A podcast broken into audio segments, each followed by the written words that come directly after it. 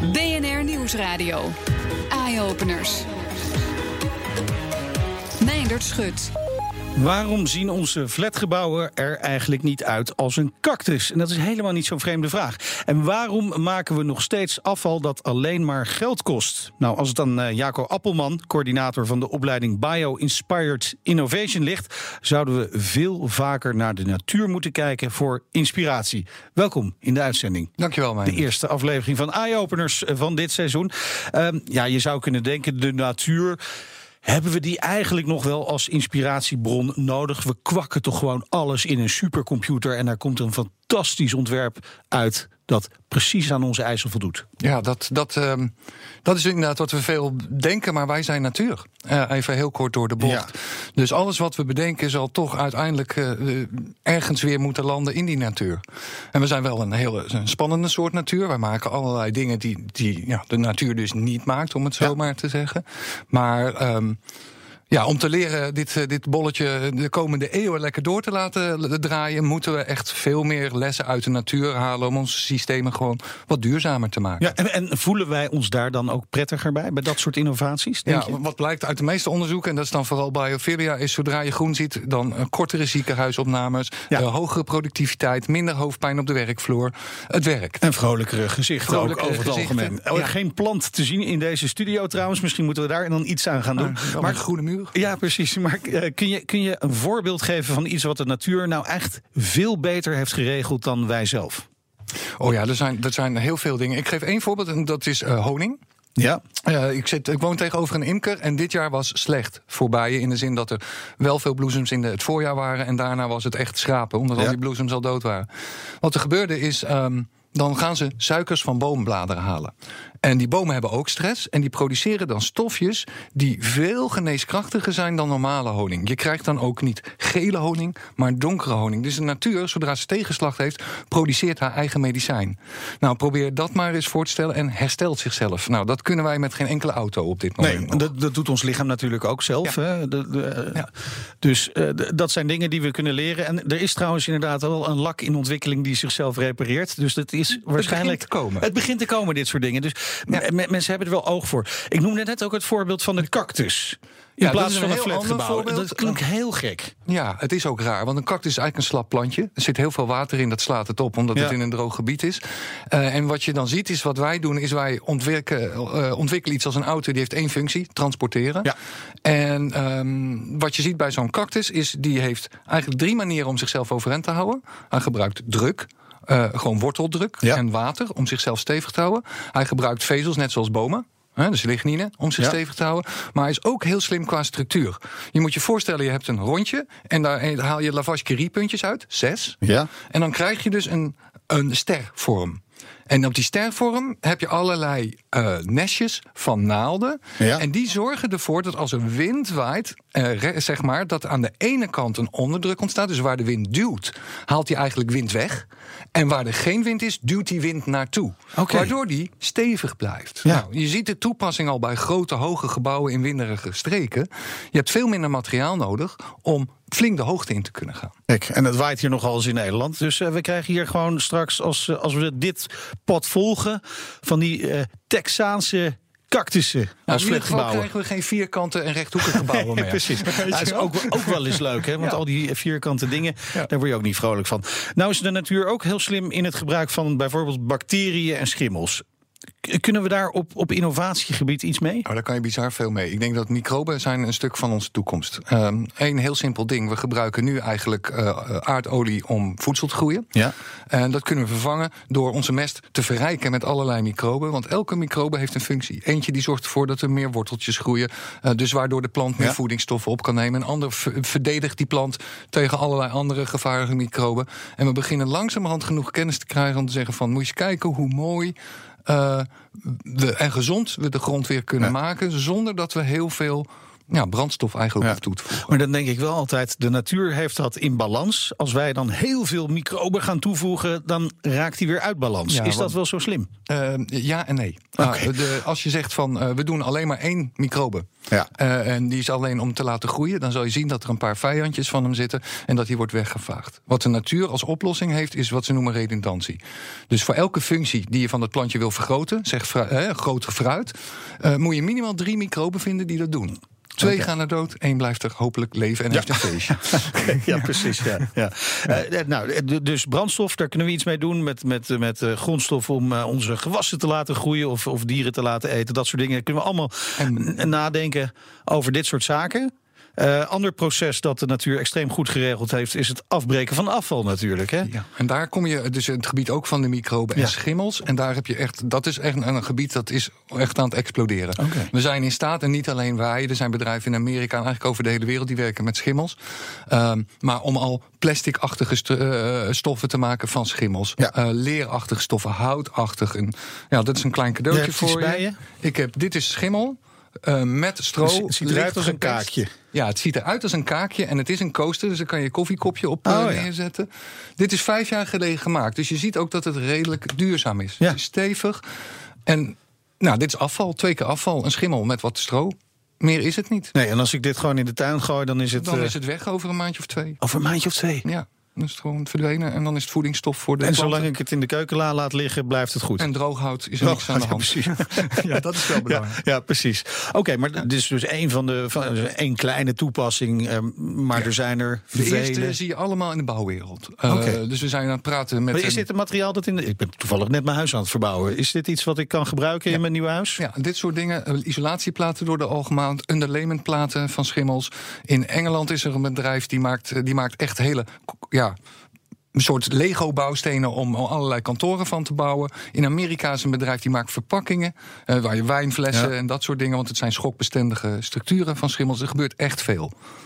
Nou is dit eh, eh, maar één opleiding hè, Mhm. waar je coördinator van bent, de Bio-Inspired Innovation. Dan denk ik, ja, als er zo ongelooflijk veel gebeurt en als er zoveel mogelijk is, zou je dan niet gewoon een heel bio-inspired onderzoekscentrum moeten hebben hier in Nederland? Nou ja, misschien zou één hele universiteit zich daar alleen op kunnen Nou. richten. Hè? Ambitie moet je altijd hebben. Maar eh, het misschien zou nog wel net even te ver gegrepen. helpen. Want het, het, het, het is wel, en dat, dat, zal, eh, dat zal ook wel duidelijk worden. Het is allemaal aan het begin. Dus en we hebben Ja. een flinke push nodig om dingen naar de markt te krijgen. En het zou nooit alleen een onderzoekscentrum moeten zijn. Het zou echt een onderzoekscentrum moeten zijn met zijn voeten dicht in de praktijk. En het Ja. mooie is, die beginnen al te ontstaan. Ik ben zelf betrokken geweest bij The Green East. Dat is een incubator in de agri-food sector. Die probeert landbouw te, ja, zeg maar, toch echt wel nieuwe dingen te verzinnen. En een van die dingen die ze hebben verzonnen, of eigenlijk de ondernemer die die incubator aan het opzetten is, Ja. is wat ze noemen een growcoon. Dat Een is een, growcoon? een growcoon. Dit is een open potje Ja. plantenpotje. Dus je ziet hier nu gewoon een plantenpotje Ja. voor je. Met allemaal draadjes erin die biologisch afbreekbaar zijn. Dus als je hier iets in kweekt. Want de kwekers vinden. dan moeten ze bij kweken. moet je steeds het potje vervangen. omdat Ja. het plantje groter wordt. Heb je hier geen last van. Dus dat is efficiënter. Ja. Plus dat. En daar zijn we nog Een niet. plantje neemt het gewoon op. Ja, dit is nog afbreekbaar. Maar stel nou weer dat je hier microben bij gooit. die dat plantje beschermen. dan heb je al twee dingen eh, bereikt. Ja. Weet je wel? Dan hoef je ook minder pesticiden of herbiciden te gebruiken. Ja, en ik denk dat we nog weken door zouden kunnen praten over alle mogelijkheden die er zijn. Dankjewel, Jaco Appelman van de Universiteit Utrecht. BNR Nieuwsradio. BNR Eye-Openers. En we blijven even in de biohoek, want het eh, gaat niet goed met onze biodiversiteit. Zal geen verrassing zijn. En dat is zorgwekkend, zegt in elk geval onderzoeksinstituut Naturalis. Om daar nou wat aan te doen, gaan Europese instituten voor planten en dieren onder leiding van Naturalis in de tegenaanval. Een digitale koppeling van natuurhistorische collecties in heel Europa moet gaan helpen bij het herstel van de biodiversiteit. We praten erover met Edwin van Huis, directeur van Naturalis Biodiversity Center. Welkom in de uitzending. Dag uh. Het uh, uh, Distributed System of Scientific Collections, zo gaat het heten. Uh, het wordt in feite een grote digitale database voor onderzoek. Dat is hartstikke leuk, interessant. Maar hoe gaat dat ervoor zorgen dat de biodiversiteit verbeterd wordt? Ja, kijk, je moet je voorstellen dat die, dat die database die we gaan maken van eigenlijk alles wat we weten in Europa van planten en dieren. Mm Dus bij alle instituten in Europa, die worden aan elkaar gekoppeld. En uh, dus door die database kan je het, kan je zien welke planten en welke dieren waar voorkomen en op welk moment. Dus je kan eigenlijk voor het eerst langzamerhand inzicht krijgen in de ontwikkeling van de biodiversiteit in Europa. En als je inzicht krijgt in de ontwikkeling van de biodiversiteit, kan je ook zien welke trends daarin zitten. dus welke soorten uh, komen op, welke soorten verdwijnen, hoe verspreiden soorten zich, welke soorten leven met elkaar samen. Al die informatie die uh, hebben al die instituten vaak zelf voor een hele kleine database, voor een klein gebied hebben die uh, in huis. Maar als we al die gegevens aan elkaar gaan koppelen in Europa, dan hebben we ineens anderhalf miljard datapunten. En daardoor kunnen we ontzettend veel vragen beantwoorden die overheden hebben, die industrieën hebben, die bedrijven hebben, die natuurbeschermers hebben. Dat uh, komt ineens binnen beeld. Maar anderhalf miljard datapunten. Hoe ga je voorkomen dat je door uh, ja, de bomen het bos niet meer ziet hier? Nou ja, wij willen natuurlijk heel veel bomen zien. Ja, precies. En, uh, en dat kan ook omdat we. kijk, al die puntjes die zijn precies gelabeld. Dus je weet precies welk dier op precies op welke plek, op welk moment. En dat is eigenlijk wat je wil weten. Uh, als we bijvoorbeeld eens even kijken naar de, naar de biodiversiteitscrisis in Nederland. We hebben de, de, laatste, de laatste jaren veel gehoord over het afnemen van de insecten Precies. in dit land. Uh, maar hoe weet je eigenlijk dat de insecten zijn afgenomen? En hoe weet je welke insecten zijn afgenomen? Hè? Kan je, je kan natuurlijk aan je opa vragen en die kan dan zeggen van... ja, ik heb het gevoel ja. dat, het, dat het vroeger anders was. Maar een gevoel hebben we niet zo ontzettend veel in de, in de wetenschap. Maar omdat wij de afgelopen eeuw uh, continu uh, waarnemingen hebben gedaan... en als ik zeg wij, dan, dan praat je over duizenden mensen... die, die, die zijn gewoon gaan tellen. Die de natuur in gaan. En dat gebeurt nog, dat gebeurt nog elke dag. in de natuur, hun favoriete zal maar zeggen, planten of, of, of, dieren zijn gaan tellen. En dus als je al die informatie uh, bewaart, dan kan je zien dat in de afgelopen 100 jaar 80% van de insecten in Nederland zijn verdwenen. Dan heb je harde cijfers. Ja. Dan, dan kan je daar ook echt iets over zeggen. En uh, op het moment dat je natuurlijk al dat soort waarnemingen in heel Europa aan elkaar koppelt, ja. dan kan je helemaal wat zeggen. Ja. Want planten en dieren die houden zich meestal niet aan grenzen. Nee, precies, die, die in elk geval niet. Nou, nou kost het opzetten van zo'n netwerk best wel veel geld. Hè? 100 miljoen euro zou het moeten gaan kosten. De Europese Commissie heeft 3 miljoen toegezegd. Blijft nog een hoop geld over. De rest moet van uh, andere lidstaten uh, komen met een natuurhistorische collectie. Hoe gaat u die lidstaten overtuigen om bij te dragen? Want het is nogal een bedrag, 97 miljoen euro. Ja, nou voor een deel uh, is die overtuiging er al. En, okay. en, je ziet eigenlijk dat er, dat er programma's worden gemaakt die door de lidstaten worden gesteund. Uh, de, vooral voor zo'n zo'n 40 miljoen uh, dit jaar.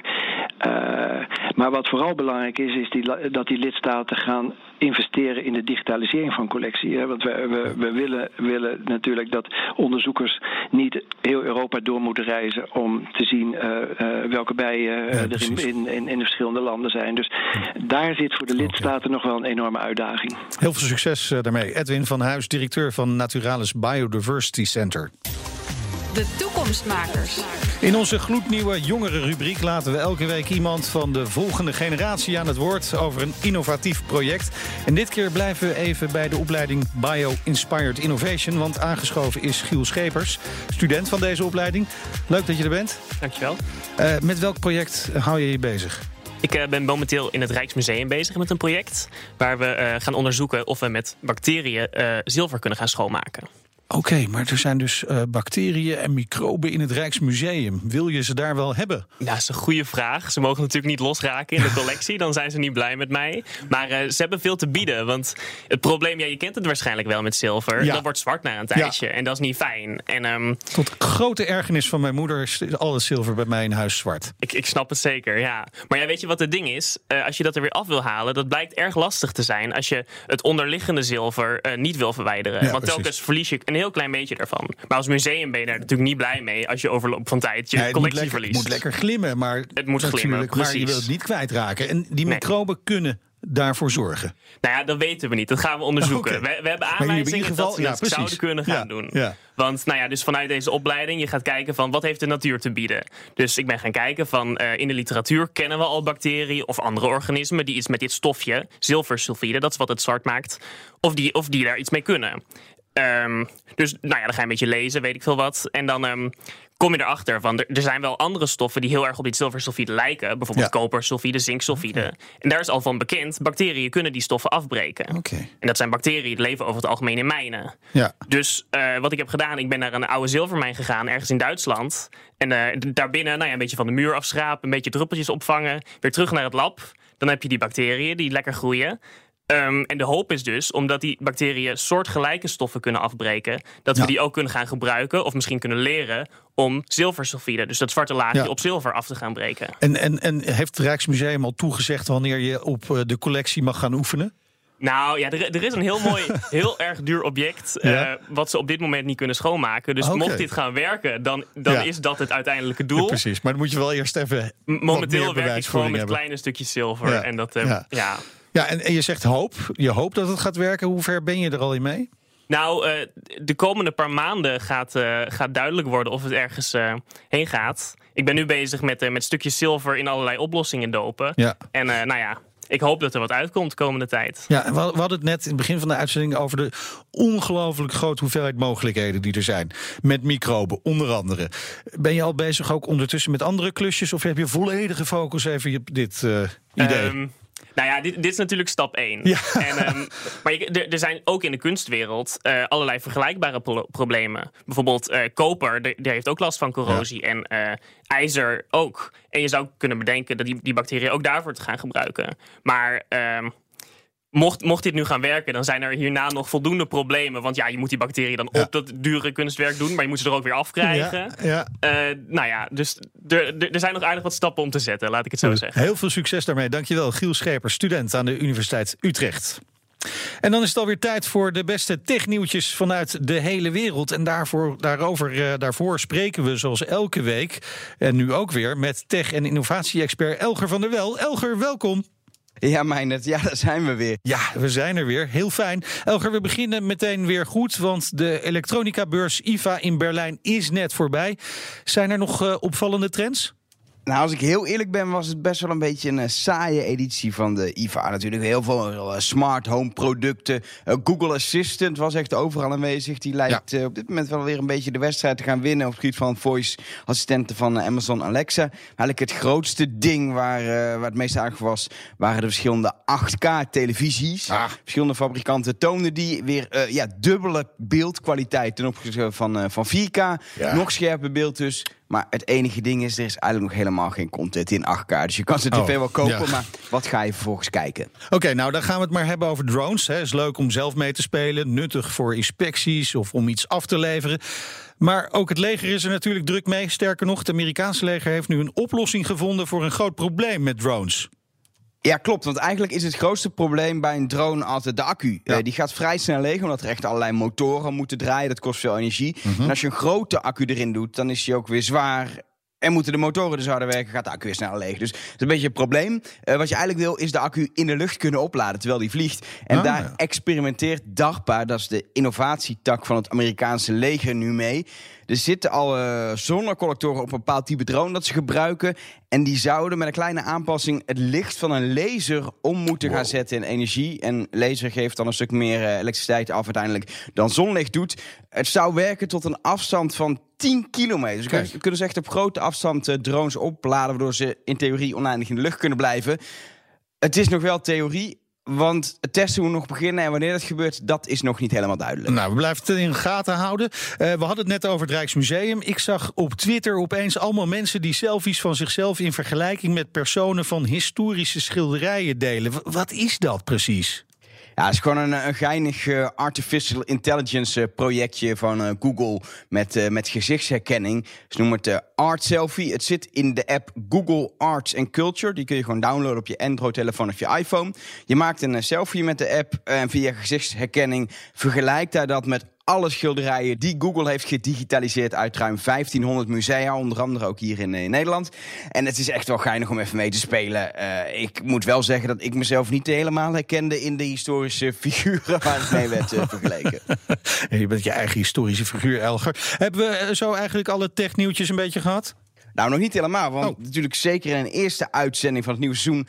kan ik niet aankomen bij jou zonder een autonieuwtje. Ah. Audi die zou zijn begonnen met de massaproductie... van zijn eerste volledig elektrische SUV de zogeheten e-tron Quattro. Die wordt officieel pas op 17 september onthuld tijdens een evenement in San Francisco. Maar alles is alweer eens uh, uitgelekt. Eind dit jaar gaat hij in de verkoop. Hij krijgt een uh, grote accu, 95 kilowattuur. Dat is echt wel veel, maar het is dan mhm. ook een SUV.